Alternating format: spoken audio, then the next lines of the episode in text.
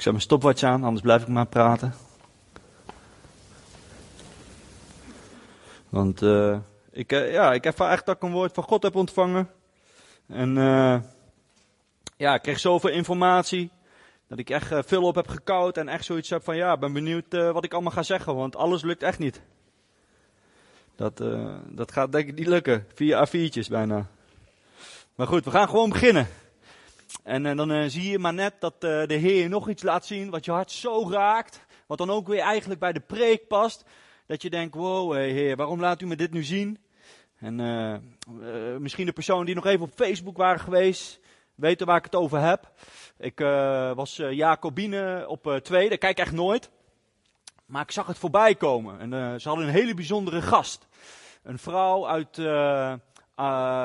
ja, die nou in Amerika woont, 93 jaar. En die heeft in Auschwitz gezeten en vertelt haar verhaal op een manier dat ik helemaal dacht, wat is dit? Zo bijzonder. Ze zegt, ik had, ik had, ik had, ik had twee keuzes die ik kende. Dat was uh, vechten of vluchten. Maar alle twee was niet mogelijk, dus ik moest een derde mij aanleren. En dat was accepteren waar ik ben.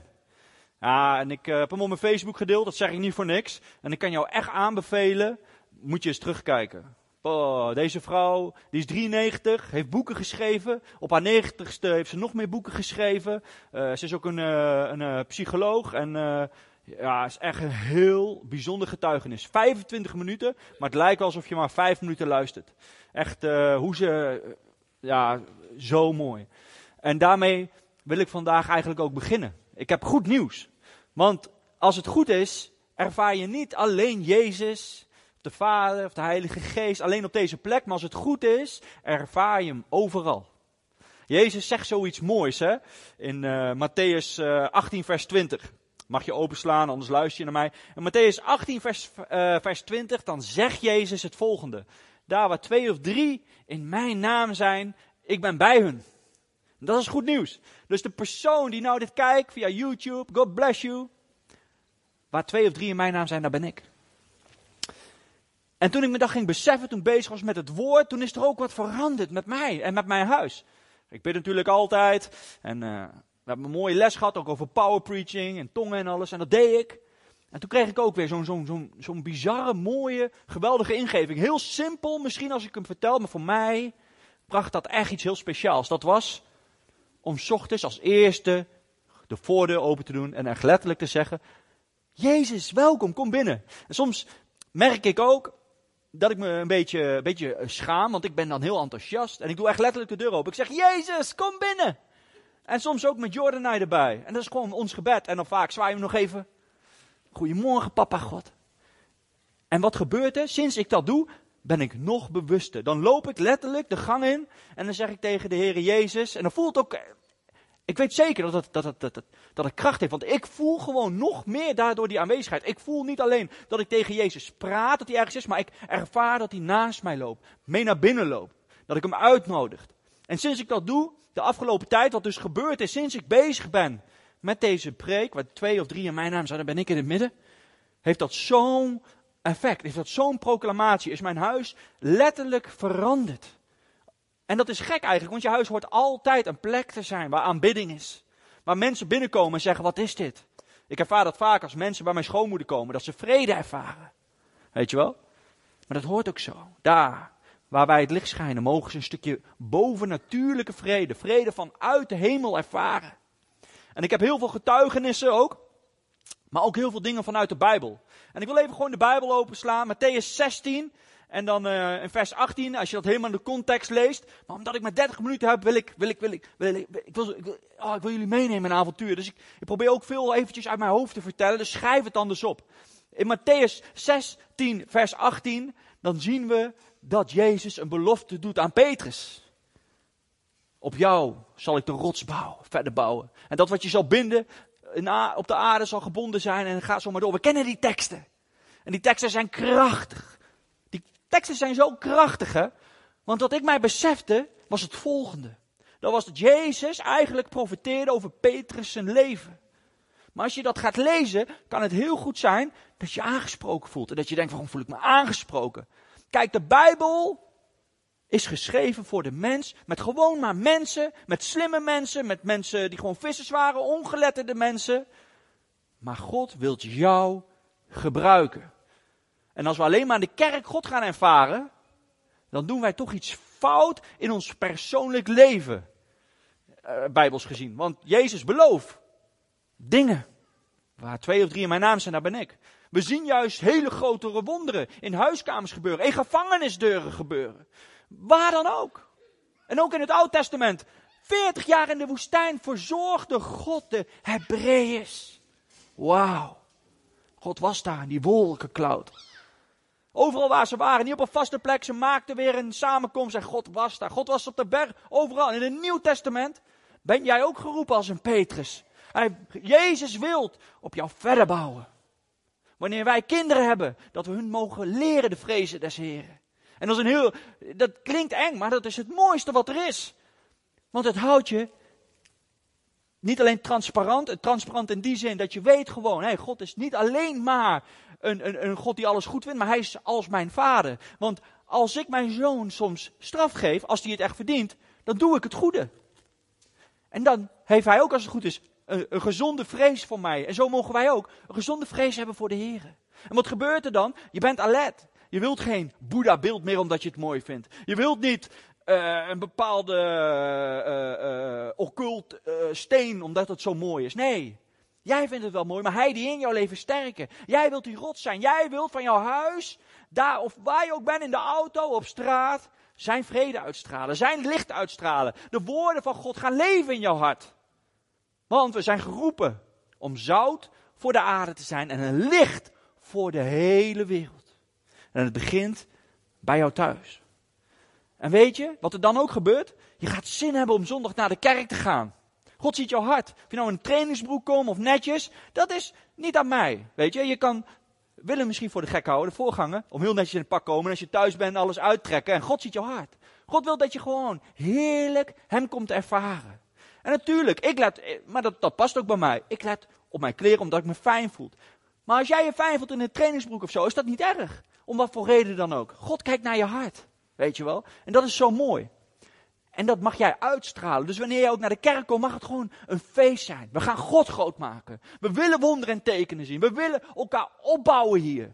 Maar het begint thuis. Dit is maar één dag in de hele week. Dus maar een paar uurtjes van de hele week dat wij hier zijn. Maar wanneer wij thuis zijn, dat zegt de Bijbel ook. Wanneer jij God groot maakt, doe dan je gordijnen dicht. Dus God wil jou helemaal, jouw hele hart. Jouw hele tempel, jouw lichaam, jouw hart, jouw huis, jouw omgeving. En dan gaan er hele mooie dingen gebeuren. We hebben ook zo uh, het woord ecclesia. Het woord ecclesia is een heel interessant woord. Want als je dat gaat opzoeken op Wikipedia, dan kom je erachter dat het niet per definitie een kerkgebouw betekent. Het betekent een gemeente. Bepaalde volken die bij elkaar komen. Bepaalde bestuursleden die bij elkaar komen. Bepaalde groeperingen, zoals wij een groepering zijn. Wij die van Jezus houden. Ons met trots ook uitverkoren, gezalfd mogen noemen. Christus, christen. En wat gebeurt er dan? Het woord ecclesia is overal. Daar waar twee of drie in mijn naam zijn nogmaals, daar ben ik. Je gaat thuis heerlijk God aanbidden, Hem groot maken en Hem ervaren. Ik wil, uh, ik, dit ga ik wel voorlezen. Als wij uh, de Bijbel openslaan, Handelingen, want Handelingen is natuurlijk het boek dat het echt begon. We zien nog uh, even dat Jezus op aarde is, naar de hemel gaat. En hij zegt iets heel bijzonders. Hè? Hij zegt tegen de discipelen, jullie moeten mij even wachten in een kamer, bovenkamertje. Hij zegt niet naar een kerk of een synagoge of wat dan ook. Nee, hij zegt, jullie moeten wachten in een bovenkamertje. En wat gebeurt er dan? Ze wachten daar. En het gebeurt niet meteen. Ze wachten. Ze zijn zoekend. Ze zijn vol verwachting. En wat gebeurt er? We weten het allemaal. De uitstorting van de Heilige Geest lezen we daar. En wat gebeurde er? Ze gingen niet naar een kerk. Ze schreeuwden het bij wijze van van de daken. En duizenden mensen kwamen tot geloof wanneer Petrus, op wie hij de rots zou bouwen, met kracht sprak. Deze man was ongeletterd. Deze man was gewoon een visser. Maar door de Heilige Geest kreeg hij op dat moment wat hij nodig had, bovennatuurlijke wijsheid, bovennatuurlijke klanktaal en tongen kon hij spreken. Allemaal om mensen te bemoedigen. Om mensen te vertellen wie Jezus is. En in Handelingen 2, vers 46 lezen we dit. En laat ik maar eerst beginnen in vers 45. Ze verkochten al hun bezittingen en verdeelden de opbrengst onder degenen die iets nodig hadden. En nou komt het. Elke dag kwamen ze trouw en eensgezind samen in de tempel. Braken het brood bij elkaar thuis. En gebruikten hun maaltijden in een geest van eenvoud en vol vreugde. Ze loofden God. Er stond in de gunst bij het hele volk. De Heer breidde hun aantal dagelijks uit met mensen die gered wilden worden. Ik word hier zo blij van. En ik wil jullie zo aanvuren. Wanneer wij naar huis gaan. Dat we zeggen, Heer, gebruik mij. Want het is een spannende tijd waarin we leven. Maar God heeft een plan met ons allemaal, toch? Met elk mens die zelfs nog niet tot geloof is gekomen. Want God maakt geen vergissingen. God heeft elk mens gemaakt om een potentieel christen te worden, in principe. Want hij wil het liefst zielen voor hem, zielen winnen. En wanneer wij hier met elkaar feest vieren, elkaar mogen aanvuren, elkaar mogen opbeuren, dan is God zo blij. Wonderen en tekenen zullen vanzelf worden. Mensen zullen genezen worden alleen al als de aanbidding gespeeld wordt. Noem het maar op, die dingen zijn gewoon normaal voor, voor ons christenen. Maar wanneer wij thuiskomen en die sfeer vasthouden, meenemen, dan komen wij de zondag daarop nog krachtiger terug. Omdat de zalving nog meer bijgevuld is. Want we moeten elke dag het aanvullen. En dat vind ik zo'n mooi voorbeeld, hè, dat in, de, in het Oude Testament dat ze manna te eten kregen, elke dag. Maar niet bewaard konden worden. En die manna was het levend brood was het levend voedsel. Jezus is het levend woord, het levend voedsel. Jezus zegt ook, ik was die manna. Jezus zegt ook, waarom geloven jullie Mozes eigenlijk niet? Want alles wat hij heeft geschreven ging over mij. Jezus is de schaduw. Jezus heeft al de mensen in het Nieuw Testament gemotiveerd. En allemaal gingen ze erop uit. Zo wil Jezus mij, jou allemaal motiveren. Om niet alleen maar hier godsvrezend en te luisteren naar het woord omdat het zondag is. Nee, hij wil dat jullie komen. Omdat jullie van hem houden. Omdat het gezellig is. Omdat wij niet één keer in het jaar een feestje mogen vieren. Maar elke zondag in principe. En daarna elkaar mogen aanvuren. En nogmaals, als jij thuis bent en je baalt dat je vandaag niet kan komen. Het maakt niet uit. Waar twee of drie in mijn naam zijn, daar ben ik. Hij is nu bij jou. Waar jij ook dit, deze boodschap luistert. Wat een, wat een zegen dat wij in een tijd leven dat we dit allemaal kunnen doen op YouTube, et cetera. En ik wil jullie daarom ook bemoedigen. Want Jezus zegt ons iets, hè. Hebben kinderlijk geloof. En dat niet alleen. Hij zegt ook, wie zich vernedert, mijn vader zal hem verhogen, toch? Amen. Weet je wat ik heb geleerd? Ik ben met bepaalde dingen echt niet eens. En vanuit de wereld, mijn hart ligt op de tong. Ik kan best wel soms uh, even, even, oh, dan moet er even uitkomen. Maar één ding ben ik achtergekomen. Toen, toen God iets bij mij deed, dat is twee jaar geleden bij een samenkomst van Jan Zelstra, heeft hij even kijken. Ik weet niet meer, volgens, ja, dat was op een vrijdagavond, ik weet het nog. God klopte op mijn hart. Het was mijn verjaardag, hè? Ik dacht, oh, ik ga iets vets meemaken. Ik weet niet wat, maar ik was vol verwachting en God had mij ook al beloofd. Edward, ik ga jou iets heel moois geven. Dus ik was er helemaal klaar voor. Maar ik had het pas vrijdag, zondag door. Zondag sprak God opnieuw, hier, bij, hier gewoon in de kerk. En ik was boos op God. Ik was gewoon boos. Ik ben een kind van God. En als ik boos ben op mijn vader, mag ik dat zeggen. Ik wil niet zeggen dat ik niet van hem hou. Maar ik ben wel even teleurgesteld en boos. Wat gebeurde er? Dat willen jullie wel weten? Ik kwam bij Jan Zelstra vol verwachting. En op een gegeven moment, hij houdt een preek voordat hij de mensen gaat bedienen. En hij zegt, ja, voordat ik ga beginnen, ga ik een preek geven. Nou, hij preekt.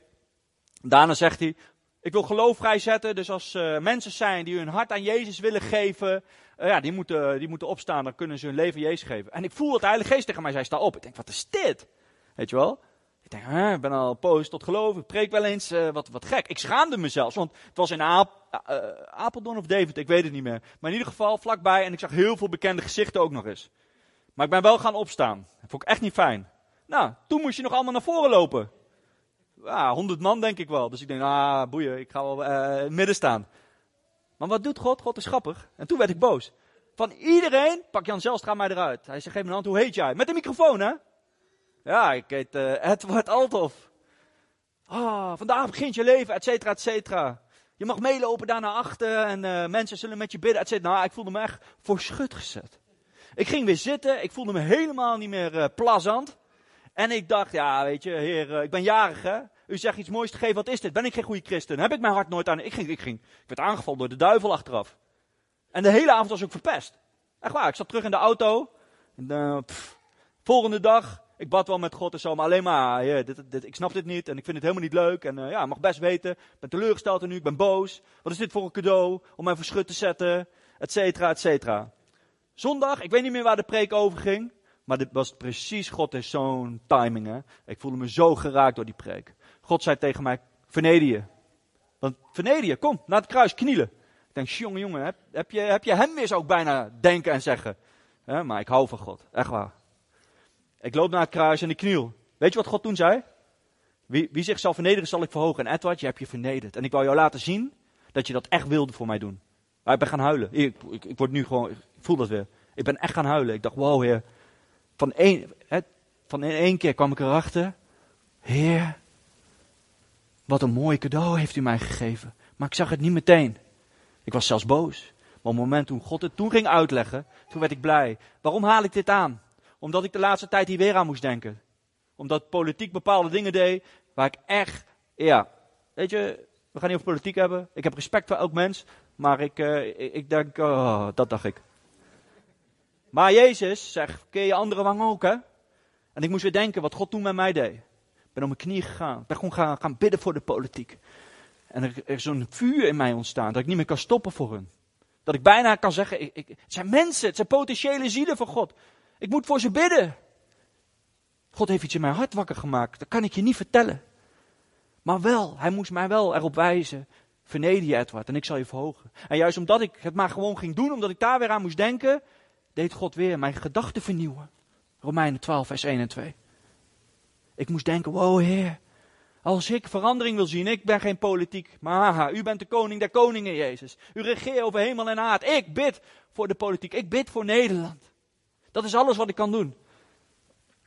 Daar wil ik jullie ook echt mee, mee, mee helpen. Als je boos bent, dat is niet van God, dat is van de duivel. Als je boos bent thuis, dat je nu niet hier kan zijn, wees niet boos. Bid voor de overheid.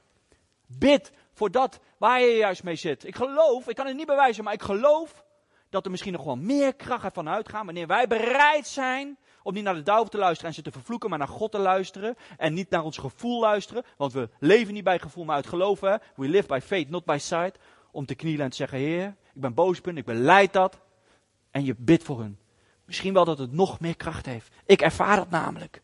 En ik wil jullie ook daarmee aanvuren. Gebruik de tijd. Ga niet balen dat je niet naar de sport kan of andere dingen. Maar gebruik die tijd voor God gewoon. Nieuwe tijd, nieuwe, nieuwe, nieuwe kansen, et cetera. We gaan verder in handelingen. Ik wil het over de apostel Paulus hebben. Als er een wel niet doorhad, waar twee of drie in uw naam zijn, daar bent u. Hij maakte geweldige dingen mee. En een van die geweldige dingen is eigenlijk dat hij weet ook wat genade is.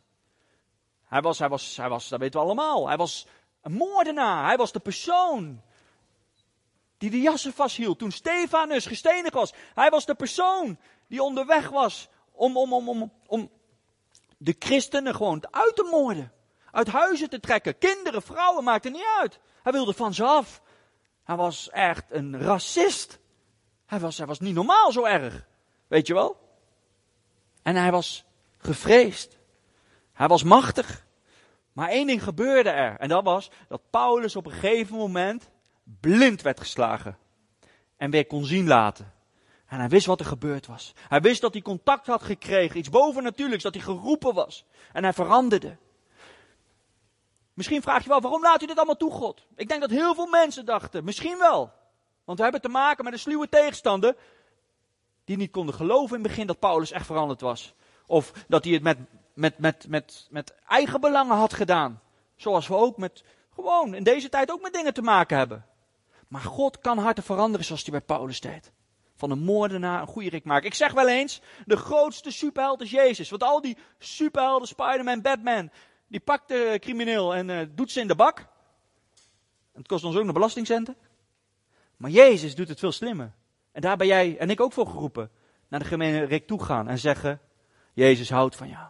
En dan wordt zo'n gemene Rick een goede Rick. En als het goed is, wordt die gemene Rick zo'n goede Rick dat hij op Jezus gaat lijken. En zo mogen wij wandelen en handelen. Zo mogen wij ook. Niet denken, Paulus was zo groot. Nee, zo mag jij weten, jij bent ook zo groot. Jij bent uit de wereld getrokken om een zaaier te worden voor zijn koninkrijk. Het is geen vergissing dat jij tot geloof bent gekomen. Het maakt niet uit of je jong of oud bent. Dat zegt de Bijbel ook. We moeten samenwerken. Want we zijn een lichaam van Christus. En in handelingen 19, hoofdstuk 19 dus, gaan we een stukje lezen. Onder andere wat die Paulus wel niet deed. Handelingen 19, vers 10.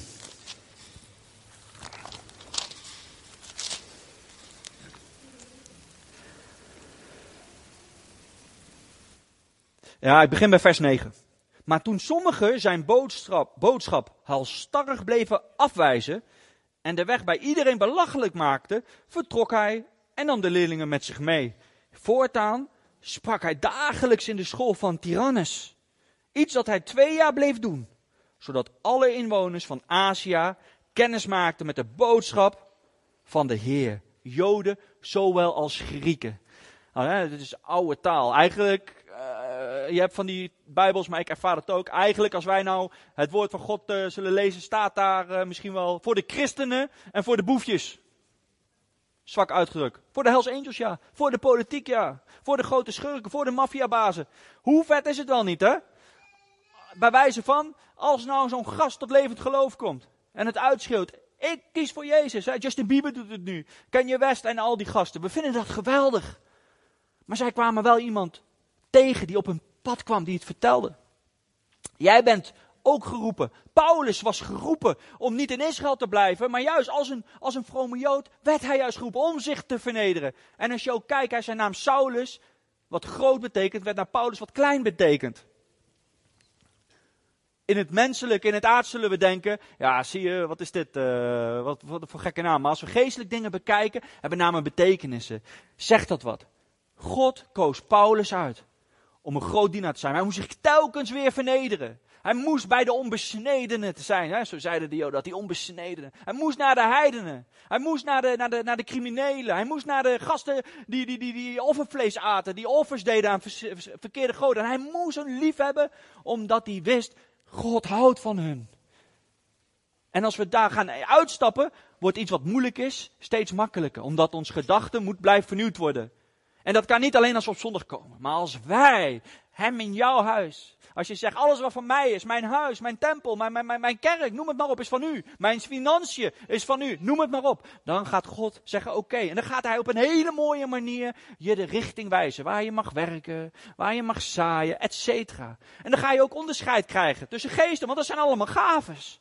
En dan ga je ook achterkomen, want er zijn ook christenen die soms zo uit hun gevoel leven, dat ze zo overtuigend over kunnen komen, maar het is immers gevoel. Het is niet van God. En dan krijgt God de schuld, of de kerk krijgt de schuld. Maar ik kan je één ding zeggen: karakter en zalving zijn twee verschillende dingen. Wanneer jij de zalving van God hebt, zal hij nooit van je afnemen. Want God is genadevol. Hij heeft jou gemaakt met die zalving. Uit genade. En wanneer jij in Jezus Christus komt, word je opnieuw geboren. En gaan die gaven tot zijn uiting komen. Maar de karakter. Ik denk dat God ja, ik denk dat God meer houdt van een, eh, van een conciërge die machtig tot geloof is. En uh, de kinderen gewoon over Jezus vertelt en thuis een heel mooi gebedsleven heeft, maar verder onzichtbaar is voor mensen en in de kerk. Dan een, dan een pastoor die wonderen en tekenen doet en alles. Maar uiteindelijk achter zijn deuren dat, dat, dat, dat, dat, hij, dat hij van schaamte de gordijn altijd dicht hebt. Want wie weet wat, wat hij doet. Maar omdat hij zalving genade is, geeft hij het wel weg. En wat doet de duivel? Kijk dan, nep christenen. Nep, nep, nep. Maar wanneer wij Jezus gaan leren kennen, God gaan leren kennen, dan ga je zelf leren kennen. Weet je, wat is Jezus goed? Hoe slecht ik ook ben, hij houdt van mij. Maar je moet wel weten dat er een dag komt dat jij voor de troon van God staat en dat jij alles mag vertellen wat je hebt gedaan. En daarom is het ook belangrijk om een goede vrezen voor de Heer te hebben. Om eerlijk te zijn naar jezelf. Hij wil jou nog meer gebruiken. Hij wil jou de karakter van Jezus geven. En dat is nog veel beter dan dat je één keer in de week of misschien vaker in de week, machtige dingen mag uh, doen. En daarna de rest van de dagen dat je thuis bent bij je gezin of wat dan ook, niks voorstelt. Als jij da, daarmee wil afhandelen, voel ik ook een zalving vandaag in de gemeente. Dat je je karakter helemaal mag afleggen. Jezelf mag vernederen. Hem mag verhogen. Mag zeggen, Jezus. Want wij zijn maar mensen, het is heel menselijk. Help mij. Paulus had er ook mee te maken. Hij had een doorn in zijn vlees. Maar uiteindelijk Geloof ik, omdat hij zoveel op Jezus ging lijken, dat hij ermee kon leven. Dat hij kon zeggen, het maakt niet uit waar ik last van heb. Dank u wel dat Jezus in mij leeft. Dank u wel dat ik nu op Jezus mag lijken en daarmee mag gaan, gaan, gaan spelen eigenlijk als het ware. We mogen gewoon spelen. Spelende wijze leren. Spelen met de geweldige gaven en tekenen. Heerlijk lopen waar je wil en luisteren naar de Heilige Geest. Niet waar jij zin in hebt, maar waar de Heilige Geest zin in hebt. Ik was laatst op straat. Kwam ik een uh, interessante gast tegen. Was wel nog uh, in de coronatijd, maar toen was het allemaal een beetje afgezakt. Dat was verleden anderhalve maand, twee maandjes geleden, kort geleden. En ik kwam een gast tegen. Nou, hij zag er best wel heftig uit. Tattoos, hardrock, lang haar, bakkenbaar, etc. Maar ik voelde iets van God. En ik begon met die persoon te praten en ja, ik, uh, gewoon, ik, ik, ik, wist, ik moet met hem praten, ik weet niet waar ik over moet beginnen, maar niet meteen over God. Dus ik, was aan het zoeken en uiteindelijk hadden we een gesprek, dat ging over muziek. Hij was ook een muzikant en uh, in een band, hard rock, metal, et. En toen was ik met hem aan het praten, ik zeg, wat vind je van Corren? Die muziek ken ik en ik weet dat die zanger echt tot levend geloof is gekomen. Dus hij zegt, Corren is erg goed, is erg mooi. Dus toen zei ik tegen hem, wist jij hè, dat die leadzanger van Corren tot levend geloof gekomen is, Jezus? Hij zegt, nou, laat ik niet herhalen wat hij zei. Maar hij was helemaal, wat de. Ik zei ja, en we hadden een hele klik. Hij vond het vet dat ik dat deelde.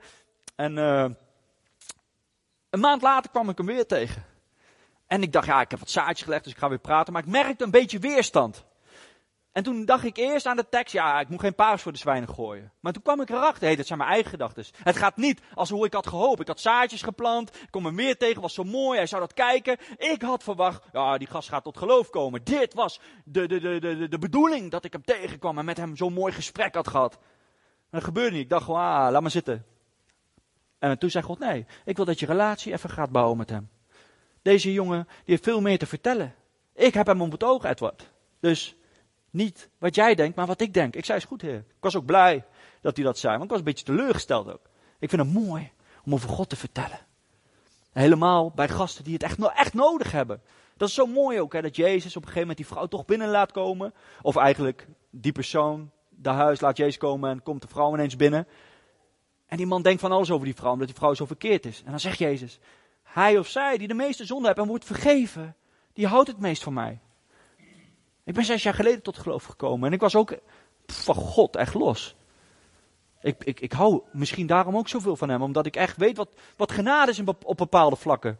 Het is wauw dat God van mij houdt, weet je wel. Nou, wat ik allemaal heb gedaan. En daardoor kan ik ook veranderen, omdat er zoveel liefde in mij is voor Jezus.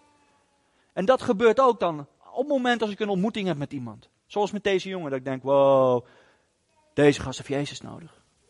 En later kom ik hem weer tegen, ik ben met hem aan het praten.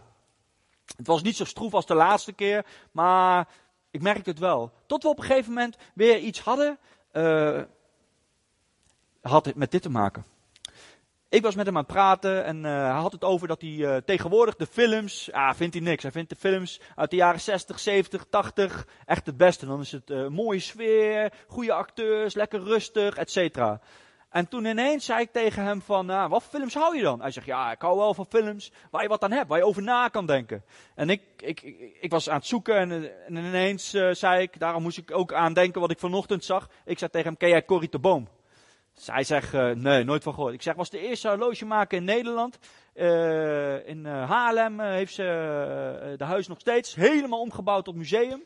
Moet je eigenlijk heen gaan. Dat is zo'n bijzondere me mens. En zelfs is een Hollywood film uh, van haar uh, gemaakt. Kan je vinden op YouTube. Is uit de jaren 70. Hij zegt, vet. Wil je die doorappen naar mij? Ik zeg, ja, ik weet alleen niet of je daarop zit te wachten. Wat dan? Ik zeg, deze vrouw redde Joden. En uiteindelijk, door een fout, is zij niet uh, vergast in dit kamp. Maar is zij, toen zij al op leeftijd was in de 40, de hele wereld rond gaan reizen. Met haar koffertje. Daar waar twee of drie in mijn naam zijn, daar ben ik, hè. En overal waar jij komt, laat je het huis van God zien. En dan vertelde ik zo dat Corrie de Boom zo iemand was. En dat hij uh, de evangelie ging brengen. En verleden jaar was ik in Israël. En toen had je daar ook, uh, ja, ik ben even vergeten hoe dat heet. Uh, de, ook waar je allemaal filmpjes kan zien, wat allemaal historie is. Ook strafkamp en ja, heel heftig. En weet je hoe dat heet, Wim? Ja, ja, Fashem, ja. Dat was ik. Ja, het was verschrikkelijk. Op een gegeven moment ging ik gewoon zitten, ging ik alleen naar getuigenissen luisteren. Maar ik vond het echt heel belangrijk dat ik daar was, maar echt verschrikkelijk. En op een gegeven moment loop je ook allemaal kaarsjes en dat Duurt ook een heel jaar voordat ze klaar zijn met alleen de kindernamen op te noemen. Die zij allemaal hebben vermoord. Zo erg. En ik vertel uh, uh, die jongen dat allemaal. En ik vertel ook dat ik daar dus was en dat daar een boom geplant was. Voor iedereen zijn daar bomen geplant. Voor Schilders List, maar ook voor Corrie de Boom. Maar die persoon die ons rondleidde, die zei dat de boom, toen Corrie de Boom stierf, de originele boom ook gestorven was. En dat dit dus niet de originele boom was van eerst. Dat vond ik zo ook zo bijzonder. Weet je wel, want, want, want, want, we worden ook bomen genoemd in de Bijbel. Sterke bomen en et cetera. En God is zo groot. God wil door symbolische dingen soms spreken. En ik kreeg ineens die ingeving over die film omdat ik bezig was met hem. In mijn stille tijd. Dat hij oppopte en dat ik voor hem ging bidden. Praten met God. En ik vertel dat allemaal. Dat dat zo'n vrouw was. En hij, hij zei meteen, ik geef je mijn nummer. Zodat je mij die film kan doorappen van YouTube. Want die film wil ik zien. Ik ben benieuwd als ik hem weer tegenkom. Maar dat was nog niet alles.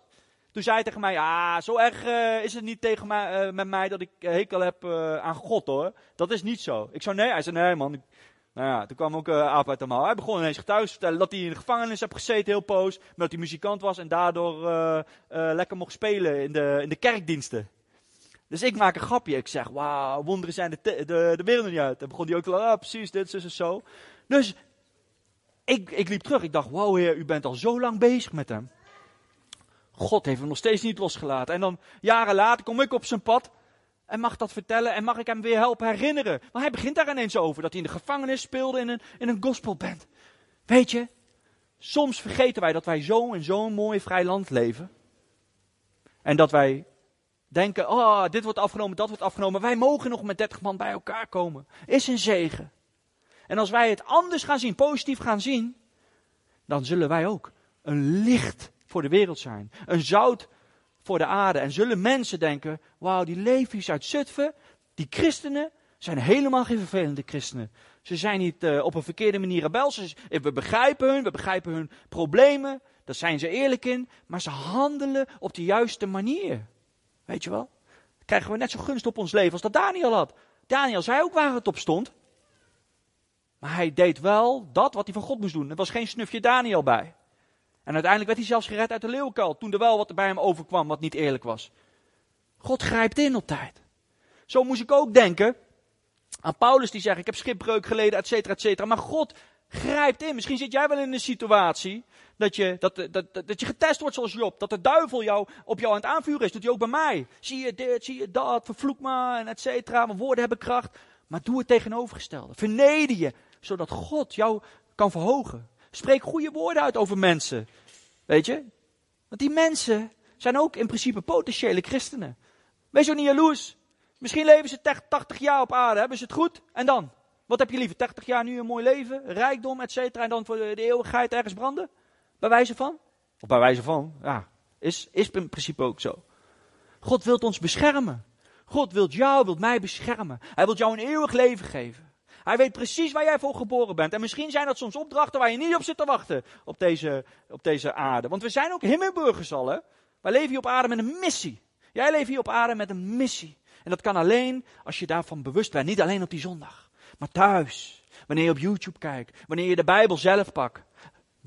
God wil met jou contact. Hij wil relatie. Hij houdt zoveel van ons. Hè? Al zo lief had God de wereld dat hij zijn enige geboren zoon heeft gegeven, opdat ieder die in hem gelooft, als Jezus, niet verloren gaat, maar eeuwig leven krijgt. Wow, de wereld is al verloren. Dat weten wij ook. Dus waarom gaan wij dan al met dingen mee die wij al weten? Laten we met de tegenovergestelde geest reageren. Laten we vandaag een statement maken. Laten we zeggen, niet meer ik, maar u Jezus. Laten we ons karakter neerleggen en meer op Jezus gaan lijken, zoals Paulus. En er komen dingen omhoog, demonen komen omhoog. Misschien daarom ook, zijn de tekenen van de eindtijd. Dat we zien dat demonen omhoog komen bij mensen. Bij bekende mensen, bij je vrienden, misschien bij wie dan ook. Die moeten omhoog komen. Die kunnen zich niet voor altijd verstoppen. Het zijn allemaal tekenen ook van de eindtijd. We leven in bijzondere dagen. Hij kan elk moment komen, hè? Weet ik niet. Kan ook nog heel lang duren. Kan ook begin zijn van de wee allemaal. Maar ik verwacht hem snel. Als ik kijk naar de, naar de dingen. En dan zeggen we allemaal, oh, kijk dan, kijk dan, kijk dan. Weet je wat ik denk? Oké, die heeft last van die geest, die heeft last van die geest. Ik zegen die persoon in de naam van Jezus. En ik bind de geest op dit moment, Heer. Doe ik gewoon. Ik proclameer heel wat in mijn buurt. En ik zie echt dingen gebeuren. Dat is niet normaal. Ik wil zo eindigen, omdat de tijd bijna voorbij is. Maar ik wil jullie echt uitdagen, ook thuis. Als jij straks, gaan we bidden nog, uh, Willem? Ja, we gaan straks bidden. En dan doe ik iets waar ik ook een hekel aan heb, dat is dat mondkapje op, maar ik gehoorzaam. Ik wil mij vernederen. Ik wil ook eerlijk zijn. Ik wil niet, ik wil, ik wil niet, niet, niet mooi weerspelen, weet je. Maar ik moet ook veranderen. Maar ik wil veranderen. Ik wil veranderen, zodat ik geen aanstoot geef op momenten waar het niet bij nodig is. Maar geloof mij wel, Jezus is voor mij nummer één. En ik wil nog één, één ding, wat ik ook had opgeschreven, dat vind ik een mooie overdenking. En dan stop ik.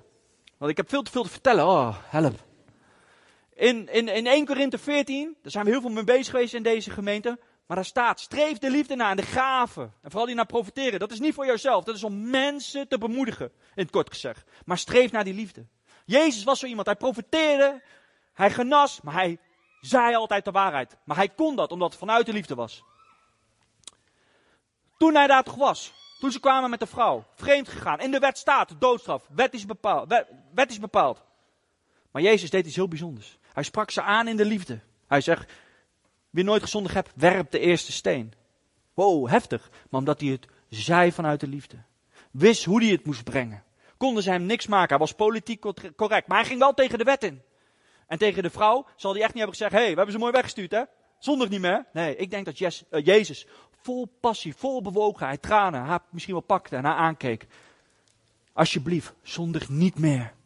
En dat is ook echt wist, ik moet niet meer zondigen. Weet je, wij mogen ook zo iemand zijn. Wij mogen soms, als het echt niet anders is, vragen aan de Vader vanuit liefde elkaar ook hè, terechtwijzen. Met elkaar praten. Zo is het ook. Als wij dingen in elkaar zien met karakter, ga niet elkaar voor schut zetten, maar praat met elkaar. Vraag aan God, hoe kan ik dit doen? Dat, daar hebben we alleen maar wat aan. Jezus deed dat. En ik wil, uh, ik wil nu gaan eindigen. En ook een oproep doen dus voor de mensen die hier zijn. Voel jij je geraakt? Ook natuurlijk als je met andere dingen zit. Je bent meer als welkom om naar het kruis te komen. We bidden sowieso voor je. Maar ik voel echt een zalving vandaag van de Heilige Geest. Als jij worstelt met je eigen vervloekte karakter, kan je wel zeggen. Want we zijn een nieuw schepping in Jezus. Alles wat niet bij Jezus hoort, is verkeerde vrucht en moet er afgehakt worden. Zodat er nieuw fruit, vrucht kan komen van de Heilige Geest. En voor jullie thuis ook. Ik bid nu eventjes in het algemeen ook voor jullie thuis. Bedankt voor het kijken. En we gaan zo eindigen. Shabala. Heere Jezus, dank u wel dat waar twee of drie in uw naam zijn, daar bent u. Dank u wel voor uw vuur. Dank u wel voor uw liefde. Dank u wel dat u zo niet gekomen bent voor een gebouw, maar gekomen bent voor mensen. Om in mensen te wonen, om met hen te wandelen, om uitgenodigd te worden, om met, met ons te eten. U klopt aan ons hart, Heer. En we houden zoveel van u. En zo wil ik ieder zegenen die dit woord heeft geluisterd, wilt u de harten zacht maken. En dat wat goed is, mag het zijn uitwerking hebben. En Heer, ik bid ook. Ik ben ook maar een mens. En dat wat niet goed is, dat we het ook mogen vergeten. Opdat uw liefde bewaard wordt. Opdat uw waarheid bewaard wordt. Wilt u met vuur ook komen. Met de Heilige Geest, die ook als een vuur is, een heilig vuur. Dat wat, wat niet goed is, dat u het wegschoeit bij ons. Wegschoeit bij de kijkers. Opdat zij helemaal in vuur en vlam mogen staan. Dat er nieuwe vruchten geboren mogen worden. Daar wanneer het moeilijk wordt, dat ze niet bang of boos zijn op u, maar dankbaar zijn. Omdat u bezig bent met ons, Heer. Dank u wel daarvoor. Dank u wel dat u altijd bij ons bent. Dank u wel dat wij geen religie beleiden, maar een relatie met de Allerhoogste God. De God van Abraham, Isaac en Jacob. Die zijn zoon stuurde. Opdat hij daarom toen de Zoon voor ons stierf, ook de Heilige Geest kon geven aan ons. Zo wil ik iedereen zegenen. En bedankt voor het kijken in Jezus' naam. Amen.